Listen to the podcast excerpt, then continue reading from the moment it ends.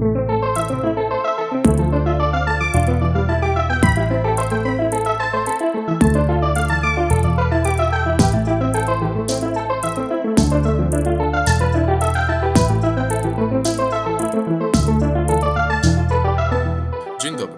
Nazywam się Wojciech Lamik, jestem radcą prawnym i przewodniczącym Komisji do Spraw Nowych Technologii i Transformacji Cyfrowej przy Okręgowej Zbieractw Prawnych we Wrocławiu.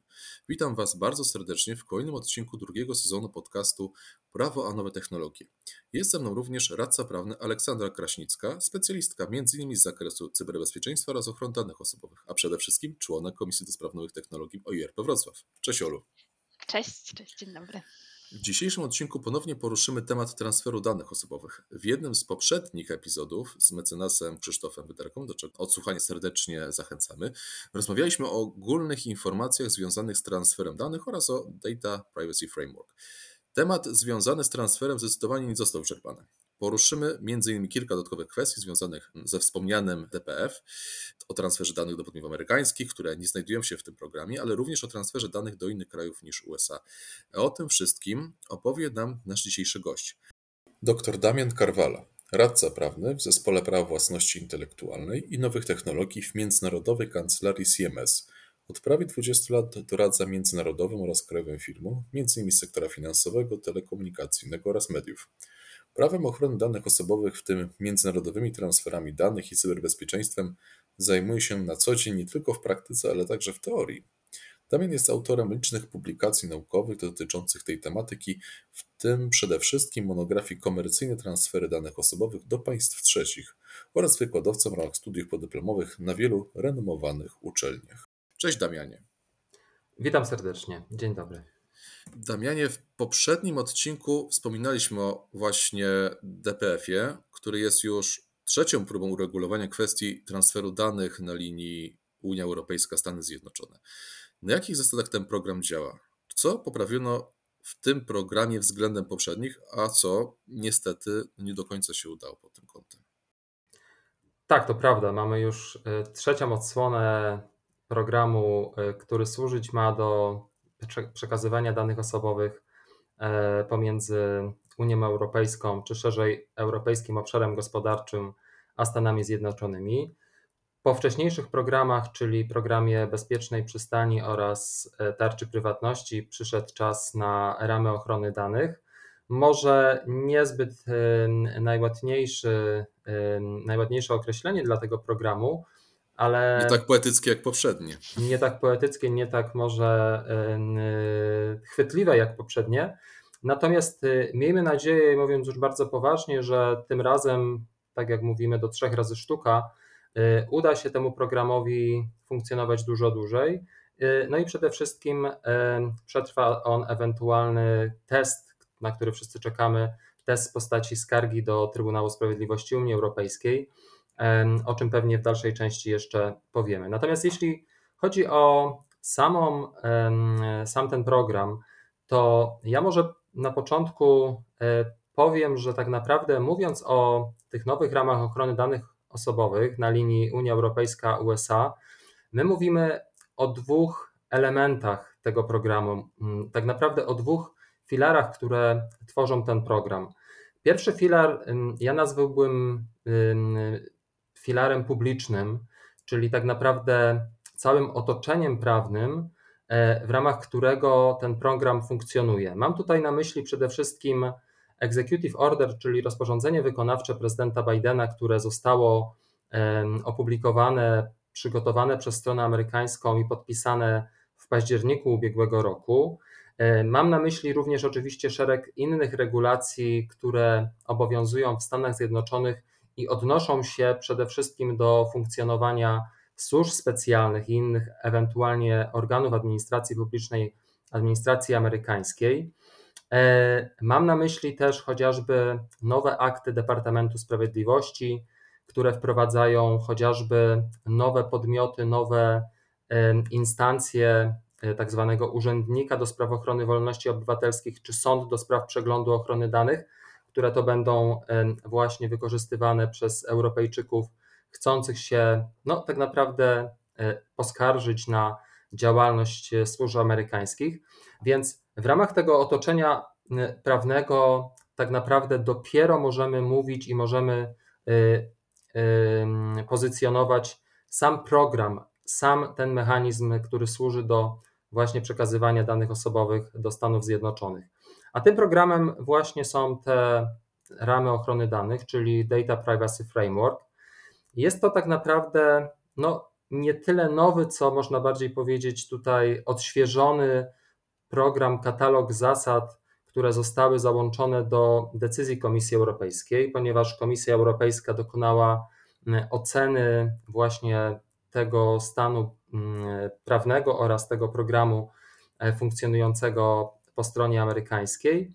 No i przyjęła kolejną e, decyzję, tak zwaną decyzję w sprawie adekwatności, na podstawie której będzie możliwy, będzie w pełni legalny mm, transfer danych do podmiotów, które należą do tego programu.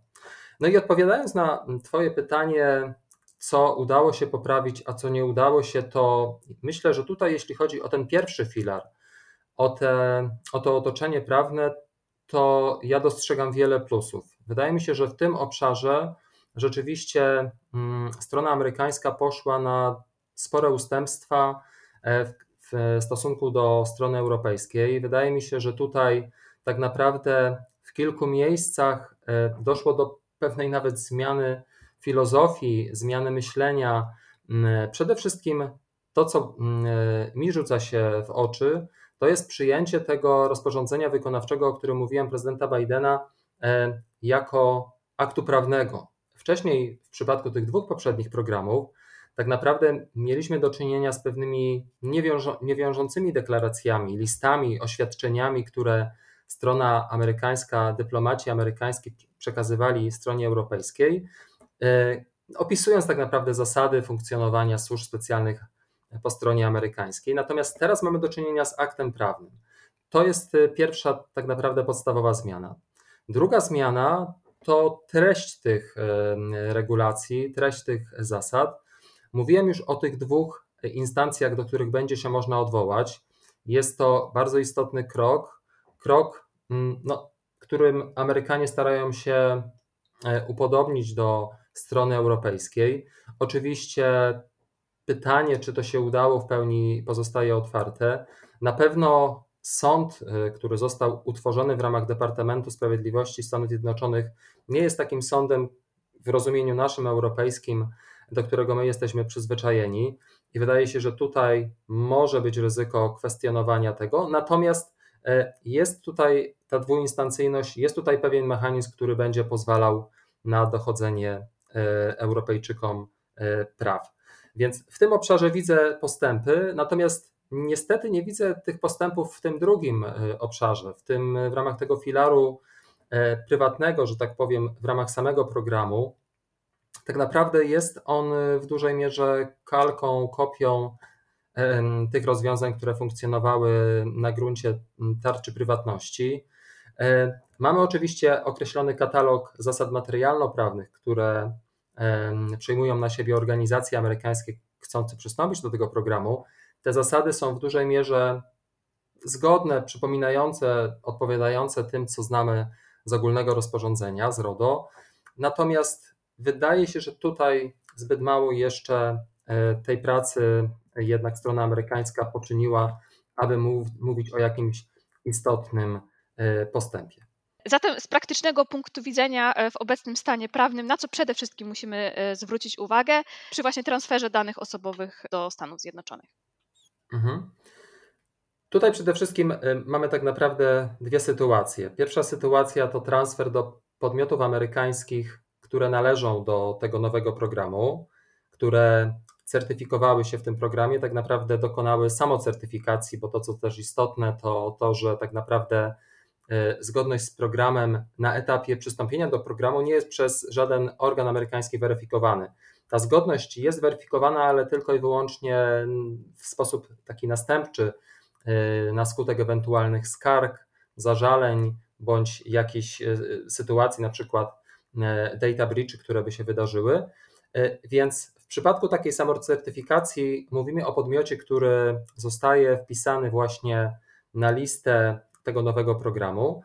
I z perspektywy już takiej czysto praktycznej, oczywiście mamy, jest dostępna strona internetowa, e, na której możemy poprzez wyszukiwarkę odnaleźć określony podmiot, z którym na przykład e, tutaj e, europejski podmiot zawiera umowę. Możemy zweryfikować na tej stronie internetowej po pierwsze, czy ten podmiot, właściwy podmiot z grupy na tej liście jest zapisany, jest ujęty. Jest to o tyle istotne, że w przypadku na przykład tych dużych dostawców e, działających pod jednym na przykład brandem spółek z grupy może być bardzo wiele, więc warto tutaj upewnić się, że dokładnie ta spółka z grupy, z którą zawieramy umowę, e, z którą wchodzimy w jakieś relacje, który będzie odbierał dane osobowe, jest e, ujęty na tej liście. Po drugie, musimy zweryfikować, czy wpis na, ten, na tę listę, czy ta certyfikacja jest aktualna. Tutaj zwracam uwagę też na bardzo ciekawą i istotną rzecz, mianowicie e, tak naprawdę program tarczy prywatności, który po stronie europejskiej nie funkcjonował, nie był akceptowany na skutek rozstrzygnięcia Trybunału w sprawie Szremsa II, po stronie amerykańskiej ten program cały czas funkcjonował. To znaczy podmioty amerykańskie, e, które oczywiście chciały, do tego programu mogły nadal należeć, mogły certyfikować się. Ten program wymaga co najmniej e, raz do roku mm, takiej właśnie weryfikacji i potwierdzenia zgodności, więc te podmioty, które były w tym programie, zostały automatycznie niejako przeniesione do nowego programu. To jest bardzo ciekawe, ponieważ właśnie kiedyś przeglądałem niektóre tam, załóżmy, polityki płatności jakichś amerykańskich podmiotów. Zauważyłem właśnie, że dalej była notacja o tarczy prywatności. I wiele osób mówiło, że to jest błędne, ale właśnie no, nieprawda, no bo to y, wyrok Trybunału Sprawiedliwości odnosi się tylko do Unii Europejskiej, prawda? Tak, dokładnie. Te podmioty miały prawo y, powoływać Dalej się, się na powoływać tarczę na prywatności, a co ciekawe, one nadal przez jeszcze niedługi czas będą mogły się na to powoływać. E, przepisy decyzji komisji przewidują e, czas przejściowy, który wynosi 3 miesiące. Także strona amerykańska ma tak naprawdę 3 miesiące liczone od 10 lipca na e, zmianę na przykład właśnie tego, tej terminologii. Przy czym tutaj też ważna adnotacja, ponieważ część podmiotów, to również weryfikowałem na mm, tej dostępnej publicznie liście, swój okres dorocznej certyfikacji ma wyznaczony wcześniej niż przed tymi trzema miesiącami. No na przykład jeden z największych dostawców Google ten y, termin ma y, w połowie września, więc wydaje się, że on będzie musiał już w ramach tej dorocznej certyfikacji po prostu dostosować się w pełni, no, w pełni, no i wtedy też oczywiście zmienić terminologię już odniesienia chociażby w swoich politykach prywatności. Ale to jeszcze nie wszystko. Z punktu praktycznego ważne też, żeby zweryfikować, jaki zakres danych dotyczy określona certyfikacja, ponieważ podmioty amerykańskie certyfikują się, ale w określonym zakresie. Oczywiście ten zakres może być bardzo szeroki, odnoszący się do wszelkich danych i odnoszący się do charakteru zarówno mm, jako administratora, jak i podmiotu przetwarzającego, ale ten zakres może być węższy. I tutaj e, warto zweryfikować na stronie internetowej właśnie tego programu, no aby nie zaskoczyć się, że na przykład określony zakres danych nie wchodzi w zakres certyfikacji, no bo jeśli nie wejdzie w zakres certyfikacji, no to wówczas mówimy o tym drugim jakby tutaj wątku, czyli o transferach danych poza programem Data Privacy Framework. Oczywiście taki transfer jest w pełni dopuszczalny, ale tutaj musimy już spełnić inne wymogi, w szczególności zawrzeć bądź umowę opartą na klauzulach właśnie, modelowych. Tak, i właśnie o to właśnie chciałem zapytać, o tę kwestię podmiotów amerykańskich, które nie należą do programu DPF. Jak wówczas wygląda transfer danych do USA? Z jakich instrumentów możemy wówczas skorzystać?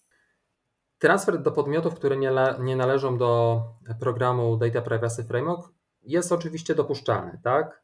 Przy czym musimy tutaj poszukiwać innej podstawy, innego mechanizmu niż decyzja Komisji w sprawie adekwatności, czyli nie możemy tutaj oczywiście skorzystać z artykułu 45 RODO. Możemy i musimy tak naprawdę skorzystać e, z innych możliwości, które daje nam tutaj rozdział 5 ogólnego rozporządzenia, no w szczególności artykuł 46, czyli bądź zawieramy z takim podmiotem umowę transferową opartą o klauzule e, modelowe opracowane też przez komisję, e, ale taki transfer musimy wtedy też odpowiednio oprzyrządować. W szczególności musimy przeprowadzić tak zwany trans, transfer impact assessment, czyli tak naprawdę ocenę adekwatności danego rozwiązania w kontekście właśnie sytuacji prawnej panującej po stronie amerykańskiej. Przy czym od razu zaznaczę, że ta decyzja komisji też dość istotnie wpłynęła na właśnie realizację tego wymogu, mianowicie ta TIA w odniesieniu do podmiotów amerykańskich, nawet tych tutaj już nie należących do tego programu, będzie o tyle łatwiejsza, że tak naprawdę możemy wykorzystać te analizy prawa amerykańskiego, które przeprowadziła Komisja Europejska.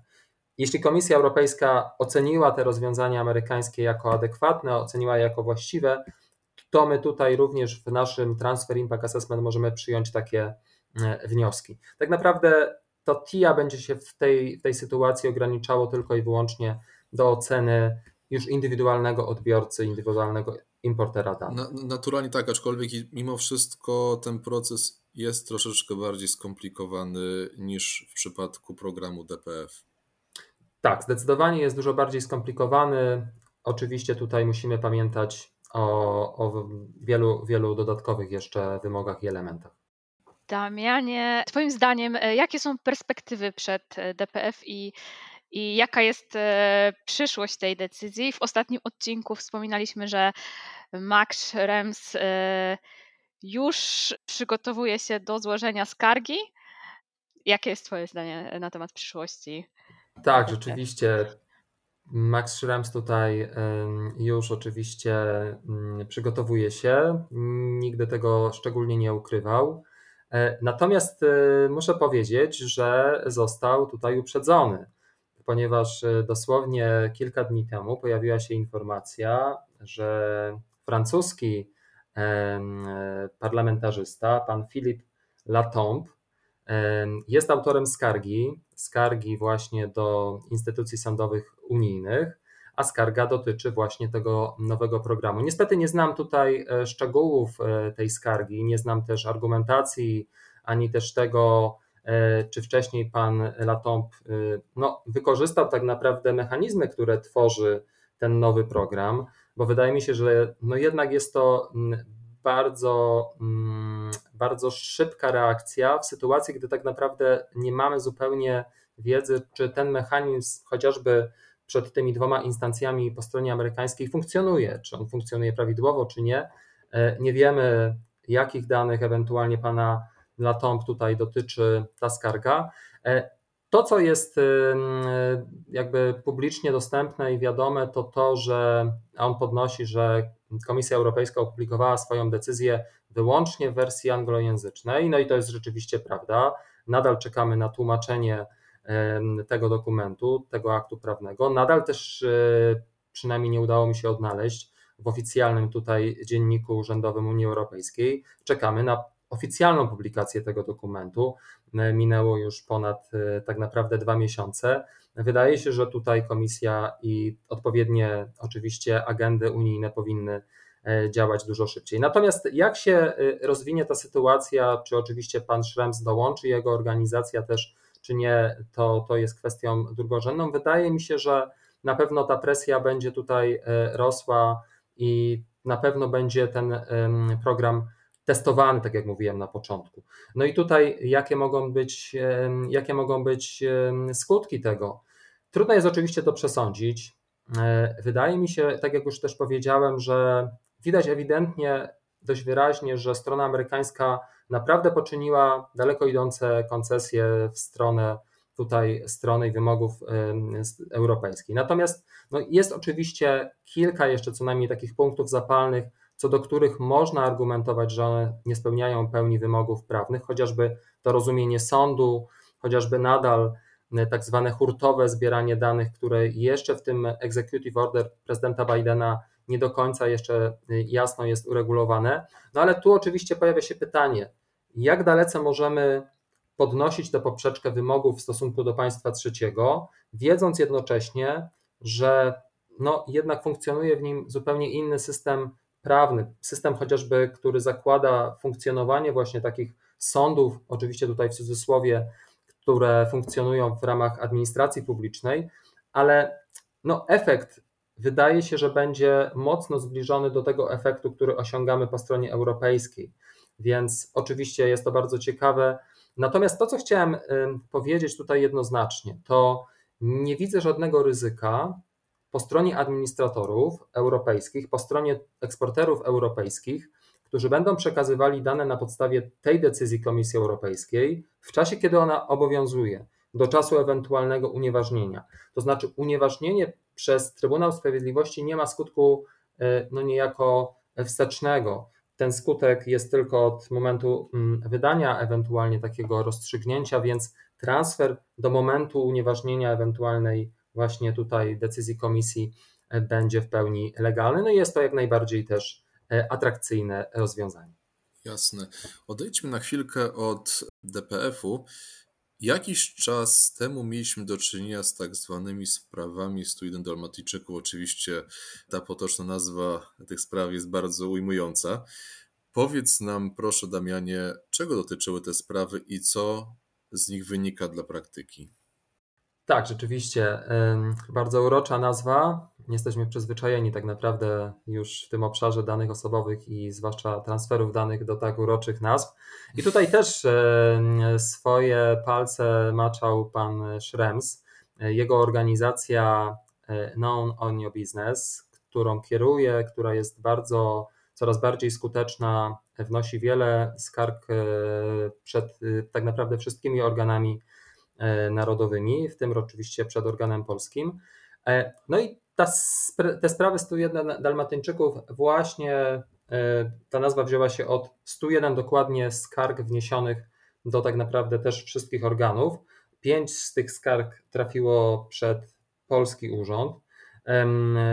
Kilka dni temu również organizacja pana Szremsa zaprezentowała tak naprawdę podsumowanie, ponieważ no już tak naprawdę mamy trzylecie, odkąd te skargi zostały wniesione, no więc można już poczynić pewne podsumowania i spostrzeżenia też, mam nadzieję, istotne dla praktyki.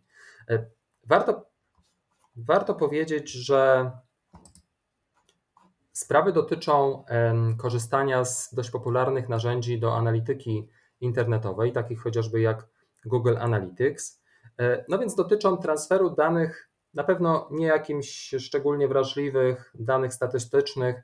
No i tutaj w szczególności już na gruncie tych spraw, tych decyzji, które są e, znane, pojawiało się pytanie, czy w ogóle mówimy tutaj o transferze danych osobowych. No i co ciekawe, nie wszystkie organy były tutaj e, takiego samego zdania. Oczywiście zdecydowana większość z nich uznaje transfer takich danych statystycznych, analitycznych za transfer danych osobowych ale wyłamał się chociażby organ hiszpański, który powiedział, że nie mamy tutaj do czynienia z transferem danych osobowych, no i tak naprawdę nie doszło do naruszenia przepisów, w tym przepisów rozdziału 5.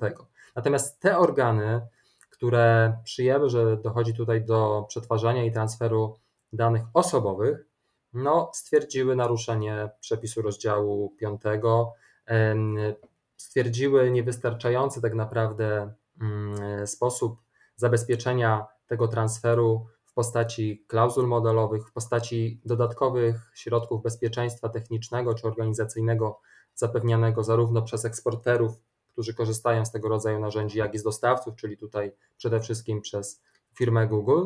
Tak naprawdę odnoszę takie wrażenie, śledząc też e, na bieżąco, można powiedzieć, e, tutaj te decyzje w różnych jurysdykcjach, że dochodzi do takiej pewnej korespondencyjnej wymiany pomysłów i zdań pomiędzy organami, właśnie a przede wszystkim firmą Google. E, I wszelkie pomysły udoskonalenia, wzmocnienia tych mechanizmów transferowych no, spotykają się z krytyką ze strony organów. Im dalej, im więcej Google próbuje tutaj wprowadzić zabezpieczeń, one, one nie spotykają się e, z oceną satysfakcjonującą ze strony organów. No i co ciekawe, po pierwszych decyzjach w takich krajach jak Austria, Francja, Dania czy Włochy mamy z lipca tego roku e, pierwsze decyzje, decyzje organu szwedzkiego, które nałożyły pierwsze kary już finansowe za transfery no, nielegalne w tym przypadku danych osobowych do Stanów Zjednoczonych. Więc e, widać na gruncie tych spraw, jak tak naprawdę mm, dość popularne narzędzie, dość mało ryzykowna z perspektywy ochrony danych osobowych mm, w zakresie, w kontekście chociażby zakresu danych, operacja na danych osobowych może generować daleko idące skutki.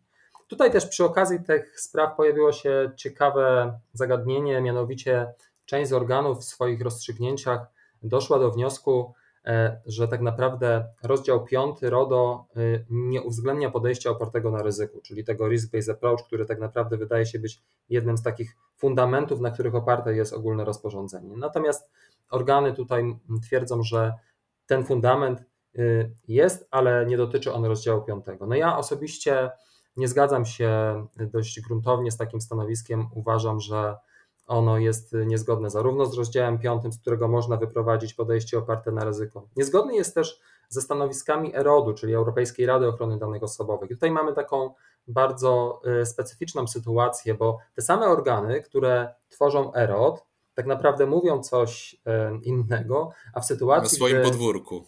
Dokładnie, a w sytuacji, gdy rozstrzygnają właśnie na swoim podwórku, mówią już coś nie do końca mm, zbieżnego z tym. Więc tutaj tak naprawdę dla praktyki wydaje mi się, że ta, ten element związany właśnie z tym podejściem opartym na ryzyku będzie jeszcze mocno rezonował przez najbliższe y, miesiące. Kontynuując wątek e, rozstrzygnięć e, organów i postępowań przed e, organami krajowymi, kilka miesięcy temu irlandzki organ nadzoru, Data Protection Commission, ogłosił zakończenie postępowania wobec amerykańskiej spółki Meta, która jest właścicielem Facebooka.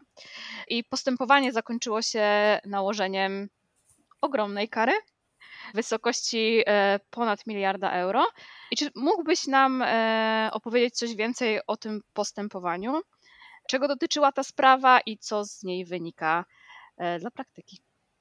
Oczywiście. No tutaj też nikogo nie zaskoczę, mówiąc, że za tą sprawę odpowiedzialny jest również pan Schrems. Oczywiście. E, tak, za, za zdecydowaną Prywatność większość... tego drugie imię. Dokładnie. E, jest to tak naprawdę ta sprawa, od której wszystko się zaczęło, od której tak naprawdę pan Schrems e, zaczął swoją aktywność ponad 10 lat temu, w roku 2013, po tym jak Edward Snowden ujawnił praktyki, niepokojące praktyki mm, e, funkcjonowania amerykańskich służb specjalnych i dostępu do danych pochodzących chociażby od tych dużych dostawców internetowych czy operatorów telekomunikacyjnych, w tym do danych Europejczyków. No, na kanwie tych rewelacji właśnie pan Schrems rozpoczął tak naprawdę swoją działalność i wniósł skargę do organu irlandzkiego. No i właśnie to jest ta sprawa, która doprowadziła do dwóch tak istotnych rozstrzygnięć e, po stronie Trybunału Sprawiedliwości w roku 2015 i 2020. No i wreszcie doczekała się rozstrzygnięcia. E, częściowego, ale nie wchodząc w szczegóły, ona rzeczywiście przede wszystkim e, skupia nasze zainteresowanie z uwagi na wysokość kary. Jest to rekordowa kara nie tylko jeśli chodzi o kwestie związane z transferami danych, ale tak naprawdę jest to rekordowa kara jakakolwiek wydana e, w jakimkolwiek kwestii dotyczącej Miliard ochrony. 200 milionów bodajże, tak? Dokładnie miliard 200 milionów euro. Natomiast ja bym chciał zwrócić uwagę, bo kara rzeczywiście działa na wyobraźnię, ale też na ważne, myślę, dwa dodatkowe elementy i dwa dodatkowe nakazy, które tutaj e, organ irlandzki nałożył na firmę Meta. Mianowicie e, zobowiązał tę firmę do wstrzymania transferu danych do Stanów Zjednoczonych w czasie 12 tygodni. Mówimy tutaj o Facebooku, mówimy tutaj tak naprawdę o najpopularniejszym narzędziu, z których większość z nas na pewno mm, zapewne korzysta. No więc wstrzymanie tego transferu jakoś odbiłoby się na pewnie funkcjonowaniu również tego narzędzia. Oczywiście media tutaj też e, troszkę podbijały bębenek strasząc, że tak naprawdę Meta tutaj e, zakończy swoją działalność w Europie. Oczywiście raczej tutaj e, nie, nie możemy z, aż do tego doprowadzić, natomiast no pewnie jakieś turbulencje tutaj mogłyby wystąpić. I mamy też trzeci element tego rozstrzygnięcia, tej decyzji, on jest ukryty pod dość tajemniczym określeniem, mianowicie organ zobowiązał meta do dostosowania niezgodnych operacji do wymogów prawa.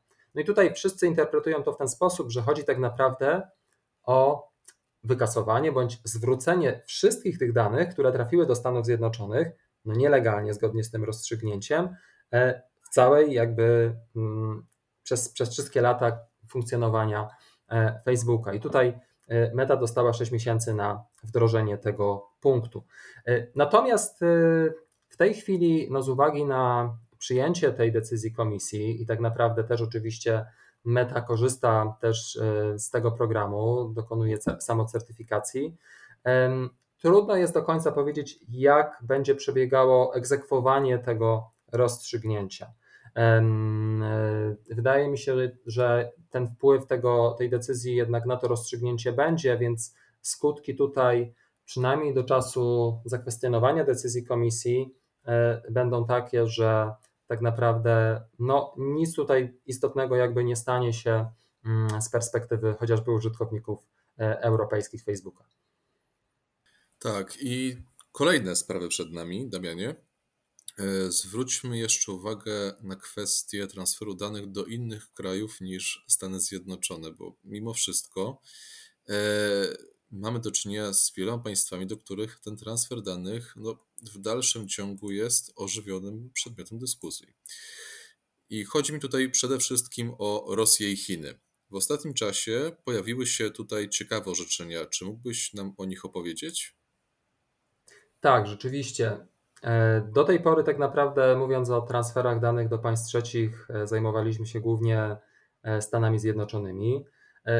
Mogłoby to z jednej strony być zastanawiające, no bo jednak Stany Zjednoczone ze względu na swój system demokratyczny, ze względu na zbieżność też wartości, regulacji różnego rodzaju, bardzo jednak blisko tutaj, bardzo zbliżone są do tego, co występuje po stronie europejskiej. Natomiast nie dyskutujemy tak naprawdę o tych państwach, które też mają coraz większe znaczenie biznesowe i nie tylko, do których też coraz więcej operacji transferowych jest przeprowadzanych, a których, no mówiąc tutaj lakonicznie, no jednak dość daleko od tych standardów demokratycznych. No i tutaj na szczęście ta sytuacja się zmienia. Wspomniałeś rzeczywiście bardzo słusznie o Rosji i Chinach, bo to są e, pierwsze kraje, w stosunku do których e, wydane zostały już pierwsze decyzje przez organy nadzorcze.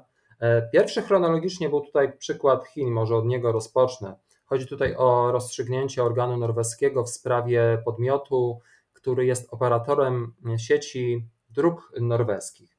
Ten operator przetwarzający dane chociażby e, w postaci zdjęć robionych samochodom czy osobom, które przekraczają bramki na drogach właśnie w Norwegii, korzystał z podwykonawcy. E, co ciekawe, ten podwykonawca był podmiotem europejskim, natomiast on korzystał również z infrastruktury, z pracowników zlokalizowanych w Chinach. E, no i z uwagi na to, że ten pracownik miał również dostęp do danych osobowych tutaj właśnie użytkowników norweskich, to organ zakwestionował właśnie tutaj e, ten transfer, stwierdził, że no, tak naprawdę nie było wystarczających też zabezpieczeń w postaci odpowiedniej umowy nie było odpowiedniej też analizy ryzyka związanej właśnie z tym elementem właśnie e, zagranicznym. No i tutaj mm, e, nałożono na ten podmiot norweski karę, karę finansową. Ona, ona była no, może nie tak e, tutaj wysoka jak w sprawie Meta, ale, ale była. Niewiele mamy spraw dotyczących operacji transferowych, gdzie mamy tak naprawdę kary finansowe, więc tutaj ten fakt wymaga, wymaga na pewno odnotowania. E, natomiast dosłownie przed kilkoma tygodniami, na początku sierpnia, ukazały się e, nowe decyzje, decyzje przyjęte przez dwa organy, organ fiński oraz organ norweski. E, decyzje, które dotyczą transferu danych osobowych do Federacji Rosyjskiej. Sprawy te dotyczą aplikacji mm, taksówkowej, E, dość popularnej w niektórych państwach, ale przede wszystkim afrykańskich. Ta aplikacja, z tego co wiem, nie jest wykorzystywana szerzej w krajach Unii Europejskiej. Chodzi tutaj o e, Yandex i aplikację Yango. E, I to, co jest bardzo ciekawe na kanwie tej sprawy, mianowicie organ fiński, organ norweski uzyskały informacje o tym, że w Federacji Rosyjskiej planowane jest wprowadzenie nowych regulacji prawnych, które będą pozwalały organom publicznym na tak naprawdę niekontrolowany, nieograniczony dostęp do danych użytkowników usług taksówkowych, również oczywiście tych usług, które wykorzystują te rozwiązania w postaci aplikacji. E, I z uwagi na ten sygnał, organy wszczęły postępowanie. Prowadziły to postępowanie tak naprawdę e, w trybie pilnym, tutaj na podstawie artykułu 66 RODO, co też jest sytuacją e, dość, dość rzadką, i wydały decyzję, która zakazuje transferu danych tym podmiotom prowadzących właśnie te aplikacje do Rosji. E, decyzja ta jest skuteczna od 1 września tego roku i została wydana na trzy miesiące do końca listopada, ponieważ 1 września wchodzą w życie właśnie te przepisy po stronie rosyjskiej. Na ten okres początkowy, aby ocenić też odpowiednio tutaj ich funkcjonowanie, no i wtedy ewentualnie zareagować odpowiednio. I tutaj widać, że oczywiście poza tym, że mamy do czynienia z Rosją, e, która no bez jakiegoś większego tutaj zaskoczenia można powiedzieć, że tych wymogów adekwatności, zwłaszcza w aktualnym stanie też politycznym, w aktualnych realiach. dokładnie nie spełnia tych wymogów adekwatności, to chciałem zwrócić uwagę też na bardzo ciekawy element, mianowicie jest to chyba pierwsza decyzja, czy pierwsza seria decyzji, które zostały wydane tylko i wyłącznie na podstawie informacji o wejściu w życie czy o planowanym wejściu w życie w państwie trzecim określonej regulacji, czyli tak naprawdę my nie oceniamy tutaj, organ nie oceniał tutaj na przykład klauzul modelowych, umowy czy chociażby wiążących reguł korporacyjnych, które są stosowane. Nie. To było zupełnie poza zainteresowaniem organu, czyli nie oceniał tutaj wymogów rozdziału 5, tych, które znamy z artykułu 45 czy 46. On odniósł się do tego otoczenia prawnego, które funkcjonuje, czy będzie funkcjonować po stronie państwa trzeciego i na tej tylko podstawie dokonał odpowiednich rozstrzygnięć, nałożył odpowiedni zakaz. To zdecydowanie jest rzeczywiście nietypowe podejście, tak? bo zawsze rzeczywiście było zastany jakiś stan prawny.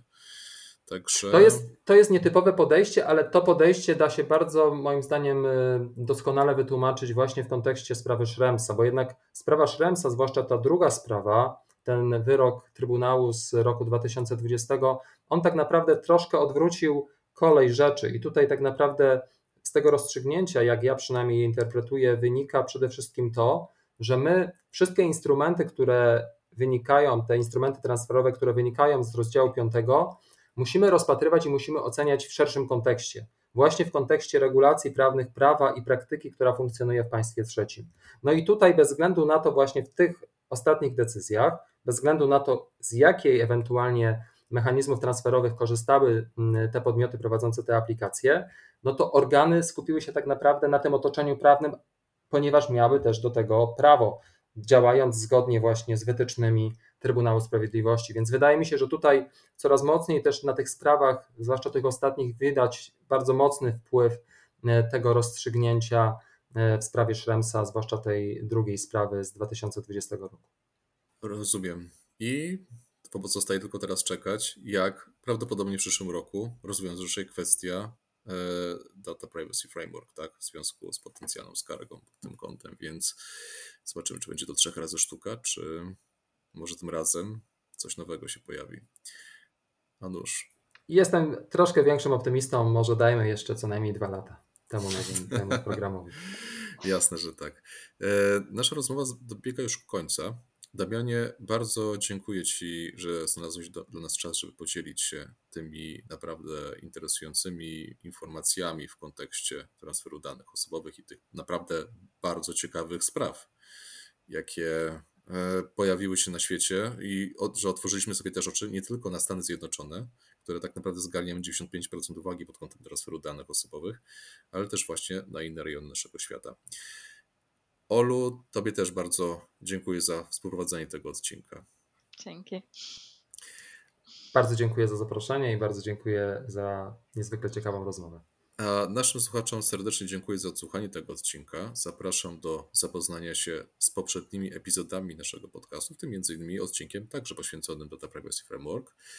Kolejny odcinek już niebawem. Do usłyszenia.